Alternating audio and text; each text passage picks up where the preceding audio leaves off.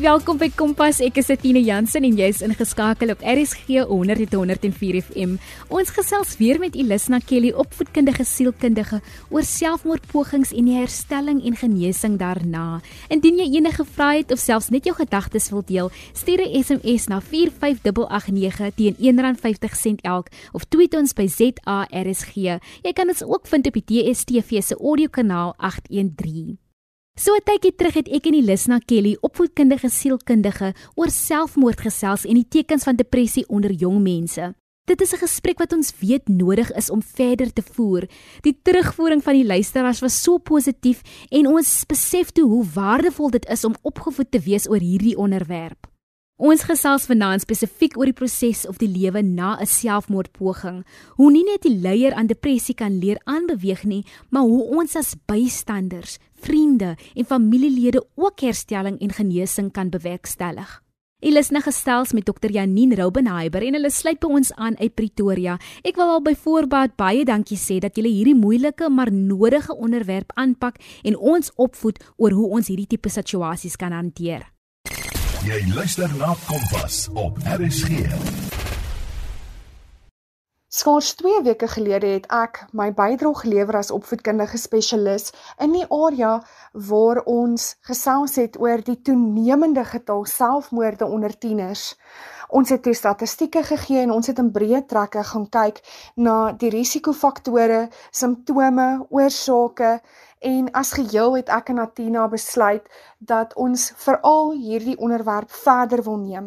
Ons hoop dat ons luisteraars en en die wat geraak word deur watter kwessie by u redelik um die antwoorde gaan kry en en dalk die bewusmaking gaan kry wat nodig is verder oor hierdie onderwerp. Janine as algemene praktisyn word jy daagliks gekonfronteer met die tipe van ding waaroor ons gepraat het. Tieners wat aan gemoedstoestande ly, tieners wat voel hulle kan nie meer nie en tieners wat 'n einde wil maak aan hulle lewens. Hoe ervaar jy dit tans en is daar 'n verskil van dat COVID met ons uh, kennis gemaak het? Hallo Elisna, dankie vir die geleentheid. Sjoe, dit is 'n moeilike en tragiese onderwerp, maar tog so belangrik dat ons bietjie hieroor praat. Jong, ek sien baie tieners en studente in my praktyk en by die universiteit en definitief in my ervaring het depressie en angs die afgelope jaar vanaf COVID beslis toegeneem. En selfs wat my bekommer is dat dit nog jonger mense is, leerders selfs in die laerskool, ehm um, wat begin swaar trek onder die las van depressie en angs. Ja, nie medies gesproke as dit uit hele oogpunt beskou word in 'n geheelbeeld. Waaraan kan ons behalwe as dit dan COVID is wat 'n rol speel, hierdie toename in selfmoord onder die tieners toeskryf? Elisna, COVID het beslis 'n rol hier te speel. Nie net het dit die onderliggende probleme in ons samelewing oopgevlek nie, maar vir kinders wat moet sosialiseer, het dit 'n tronk van isolasie geskep. Hulle verloor hulle identiteit, hulle maats en dan moet hulle nog met hulle ouers se stres oor die weg kom. Kinders en jong mense sien ook wat daar buite aangaan en dit is skrikwekkend. Net soos wat dit vir ons ook is. Soos ek reeds genoem het, is Janine 'n dokter wat glo in konservatiewe behandeling sowel as mediese behandeling. Vir haar is lewenstyl en voedingswaardes van kosse en en hoe ons dan hierdie bestuur en integreer in ons lewens baie belangrik. Janine, ek wil vir jou vra as ouer, jy het nou self alreeds twee kinders. As jy jou in die posisie van die ouer moet sit wat dalk nou 'n uh, 'n leerder, 'n tienerleerder het wat gepoog het om selfmoord te pleeg, maar nie geslaag het nie. Gebeur dit baie dat ouers so graag wil help, so graag wil betrokke wees by hulle kind se genesing. Dis vir hulle baie keer 'n skok. Waar kan ouers begin om te help? Ek weet baie ouers skryf vir ons dat hulle vind dat hulle miskien 2 of so groep sessies berading het, maar dat hulle staan en hulle het nie idee partykeer waar dit vandaan kom nie. Dis nie altyd dat dit uit 'n huis uitkom waar waar daar klinkklare bewyse was dat daar disfunksionaliteit is nie. Waar kan 'n ouer begin om te help opmop na so 'n situasie? Jong, as 'n ma is dit baie moeilik om myself en iemand wat hierdeur gaan se skoene te plaas. Die tieners en die hele gesin kort sielkundige hulp en ouerleiding by 'n gekwalifiseerde persoon.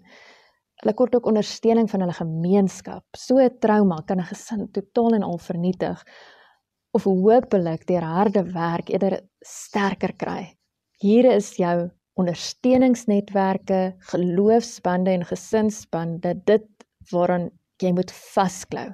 Praat met en luister na mekaar. Ek dink 'n leier se grootste vrees ook is as hulle nie slaag nie en hulle wakker word en hulle dan deur hierdie aanklag aangaan, hoe kon jy? Wat het jou besiel? Hoe kan 'n ouer hierdie tipe aspekte beter hanteer? Hoe kan hulle hulle woede hanteer? Hoe kan hulle hulle verbasing hanteer?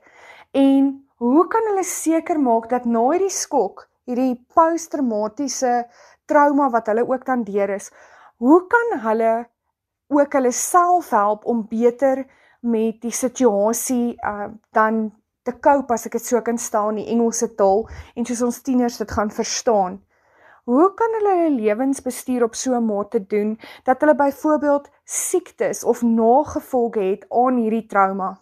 Weereens hier gaan dit belangrik wees om sielkundige hulp te kry om nie in 'n blameer siklus te verval nie. Ouers gaan ook self moet introspeksie doen om te keer dat hulle uitbrand en vir hulle om eintlik die groter prentjie te kan sien na so 'n ervaring. Nie net het iets soos 'n selfmoord poging as 'n sogenaamde as ek die Engels kan gebruik adverse childhood event 'n impak op die tiener se algehele gesondheid nie maar so akute stres op 'n ouer wat waarskynlik soos meeste van ons reeds erge kroniese stres ervaar is net so erg praat dit uit en luister na jou kind Jy is ingeskakel op Kompas met Athena Jansen. Ons gesels met Elisna Kelly oor tienerkwessies, meer spesifiek selfmoordpogings onder jong mense en die proses van herstelling en genesing daarna. Janine, medies gesproke, in jou opinie, ons gaan verder in hierdie reeks gesels met 'n kriminoloog oor iets wat ons opgetel het wat 'n tendens is tans met selfmoord en en ons gaan ook sodanig met kliniese sielkundiges praat. Maar in jou mediese oogpunt, wat gebeur met iemand met 'n kind wat op die pylvlak kom waar hulle besluit hulle kan nie meer nie?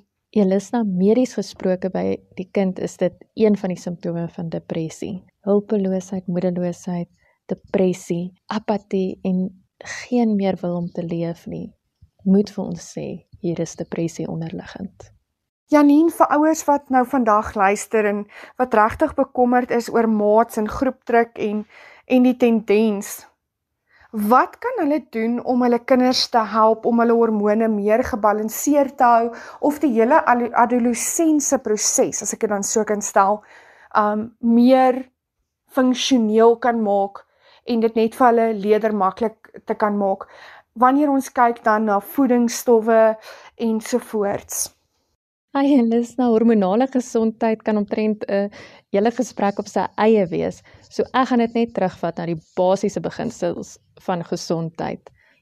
Genoeg slaap, gesond eet, om te beweeg, genoeg buitelug te kry, interaksie met ander wat eintlik nou so geweldig moeilik is in hierdie tyd en om betekenis en sin in die lewe te hê. Ons kan dalk ter wille van tyd eerder op 'n ander program meer hieroor uitbrei. Is daar meer natuurlike vorms van antidepressante wat ons dalk uit uit ehm um, kruie of uit voeding ensovoorts kan gaan haal wat daai goed voel hormone in ons tieners dalk kan aanwakker?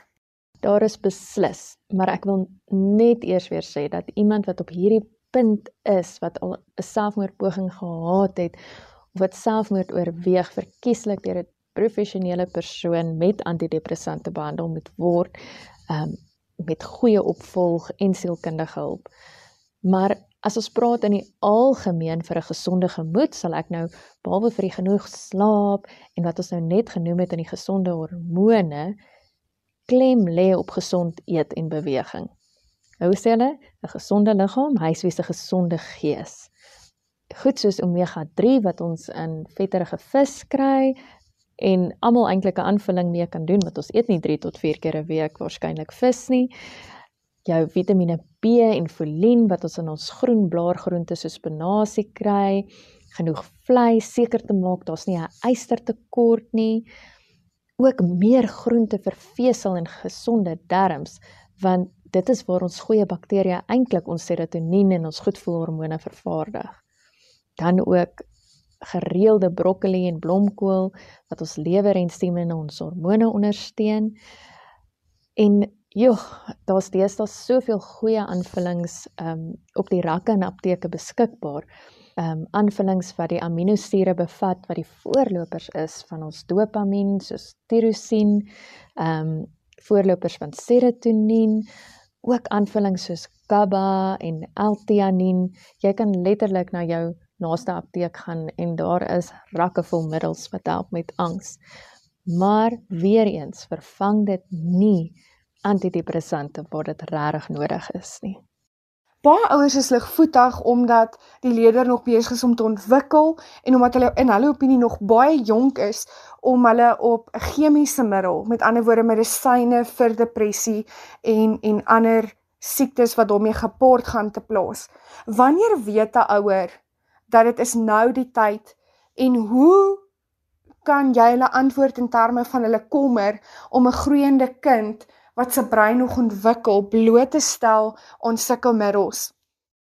Ons moet dalk eerder pas op met die ontwikkelende brein wat wel antidepressante nodig het om dit nie te gee nie en eerder versigtig te wees vir natuurlike goed soos dagga of alkohol waarmee baie tieners deesdae hulle self medikeer om hulle angs te behandel.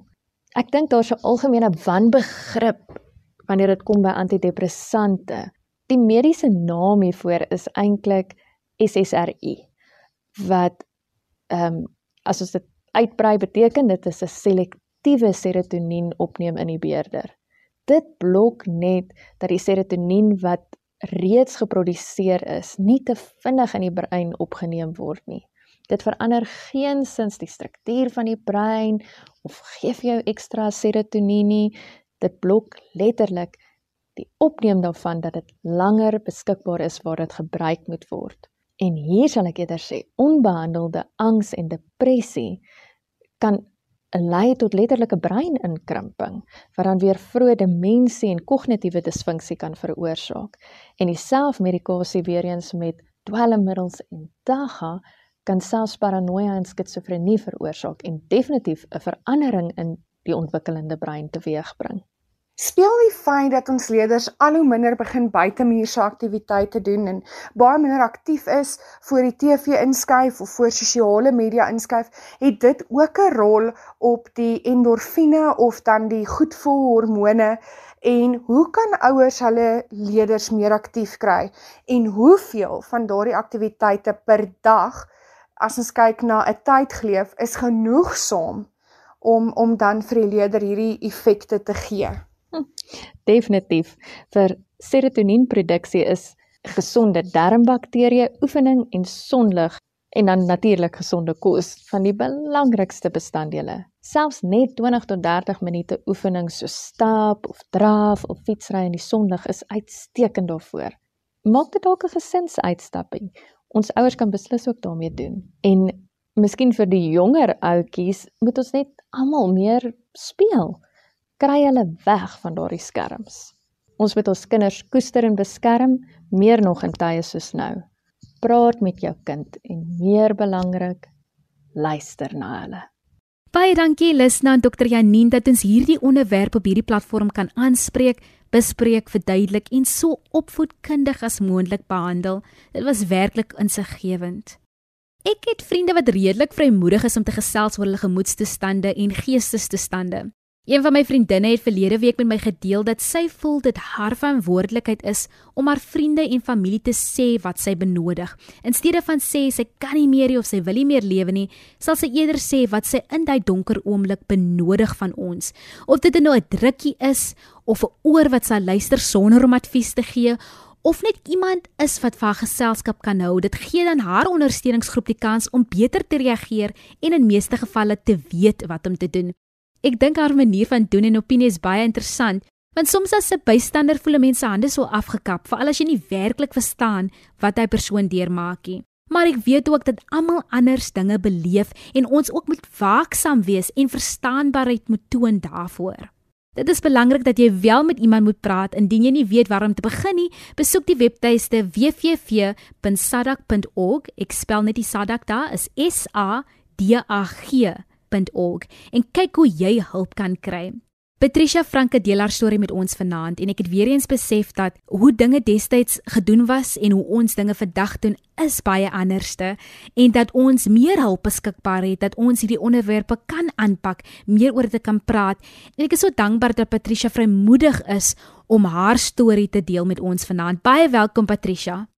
Patricia, eerstens vertel ons 'n bietjie van jouself. My naam is Patricia. My van is Franke, maar almal noem my Pat en die rede hou hoekom ek daarvan hou van die P staan vir pretty, die A staan vir adorable en die T staan vir trustworthy. Ek hou van dit. Weet jy, ek dink 'n mens se naam vertel vir jou regtig van wie jy is. So ek ek sal moet gaan sit en na die letters van my naam kyk sodat ek ook so 'n positiewe aanslag oor myself kan uitspreek. Dankie vir jou vrymoedigheid om te praat oor hierdie baie moeilike onderwerp wat baie mense nie maklik oor oopmaak nie. Sê vir ons hoe oud was jy toe jy jou eerste selfmoordpoging gehad het? Ek was 25 jaar oud toe ek my eerste een gehad het. Patricia, hoe was die lewe en die proses na dit vir jou? Het jy weer 'n selfmoordpoging gehad? Ek het 'n tweede een gehad. Ek was 33 jaar oud toe ek my tweede een gehad het en die proses daarna was weer eens ek het net my ma gehad wat ek kon um vertrou het en my ma vertel het wat gebeur het omdat ek 'n getroude vrou was en die oudtydse belewenis was dit as jy jou bed gemaak moet jy daar op slaap. Na aanleiding van wat jy nou net genoem het, sou jy sê dit is as gevolg van 'n geestestoestand? Nie eintlik van 'n geestestoestand nie, maar ek dink dit is basies van dinge wat elke keer voor jou kom byvoorbeeld in die huwelik, die huwelik het nooit verander nie en elke keer gaan jy net met dieselfde omdat die huwelik nie um 'n sukses was nie, gaan jy net elke keer met dieselfde probleem oor en daar jy jy kry nie net 'n antwoord vir wat jy soek eintlik nie. Mm, mm. Het jou omstandighede ook 'n invloed gehad op jou welstand? Ek sal sê nie eintlik nie, omdat ek my self as 'n baie sterk vrou voorkom. Ehm um, ek staan uit daarbey om vir ander baie dinge te doen en omdat ek baie keer luister na ander se probleme en nie eintlik vir ander sê hoe om hulle probleme na te sien nie want ek is mos nou die perfekte vrou daarbey. Jy is ingeskakel op RSG 100.104 FM met Athena Jansen op Kompas. Ons gesels oor selfmoordpogings en wat die proses tot genesing is daarna. Ek weet jy vroeër genoem dat jou ma vir jou ondersteuning gebied het. Was daar enige ander ondersteuning met die mense rondom jou en het jy skuldgevoelens gehad oor jou selfmoordpoging? Daar was geen ondersteuning nie. In daardie tye was daar maar baie min ondersteuning. Um hierdie dae is daar baie ondersteuning maar in my tyd was daar nie baie ondersteuning nie behalwe dat as die kerk van geweet het die predikant veel miskien een of twee keer besoek. En die mense rondom my soos ek sê die mense het nie eintlik geweet wat in my um, huis aangaan nie. Die mense het nooit gedink dat ek by daardie selfmoord um hoeveel kere gekom het nie behalwe my ma. Patricia watter tipe hulp het jy gekry en hoe het die pad gelyk na jy daai hulp gekry het Ja, ek het aan gedink, maar soos ek sê, ek het 'n skuldige gewete gehad. Hmm. Uh en ek het gedink dat as ek gaan praat daaroor of ek of of ek gaan help vra dat mense buite kan gaan uitpraat en ek het dit vir myself gesê, uh ek sal maar liewerste my eie soos hulle sê, my eie pad stap alleen. Wat is daai pad wat jy dan gestap het alleen? Daai pad was 'n baie eenvoudige pad ek het baie keer gegaan na verskillende werkswinkels toe waar ek 'n uitnodiging gekry het vir normale vrou. Um ek het baie keer um gestap en as ek sê gestap, het ek lang afstande gestap.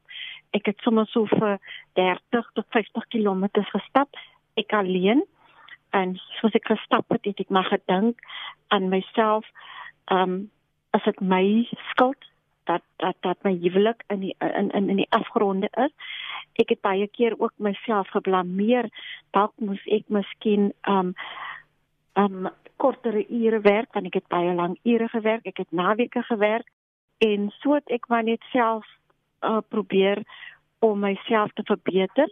Soos byvoorbeeld, ek het later aan besef as ek as my man um soggens werk toe gaan en ek sit sy broodjies in, dan sit ek 'n liefdesbriefie in of ek sit 'n vrug in met 'n glimlaggie gesiggie of ek sit vir hom iets binne in sy toebroodjie soos 'n briefie van liefde. As hy dit bykou, dan kom hy op die briefie af en dalk sal hy dit lees en dan sal hy ook miskien dink dat ek uh, die vrou wat vir hom gelukkig kan maak en ek is die vrou wat vir hom sal bystaan ten spyte van sy swakhede.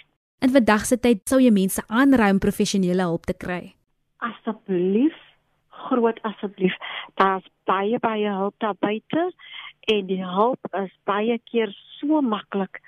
Um jy kry van van hierdie gemeenskaplike werkers, jy kry daar die sosiale werker wat na jou toe kom wat uh ja uh one on one um passie met jou het jy kry ook self nou baie keer as vroue um organisasies wat regtig veg vir hierdie tipe van van van um dade om vir die jong mense 'n beter kans te gee, sal ek sê.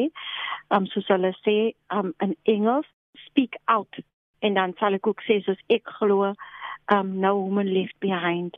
Patricia, hoe pak jy nou die lewe aan? Ek het hier by skei gegaan um um 13 jaar gelede Ek het alles verloor omdat ek uit die huwelik uit gestap het.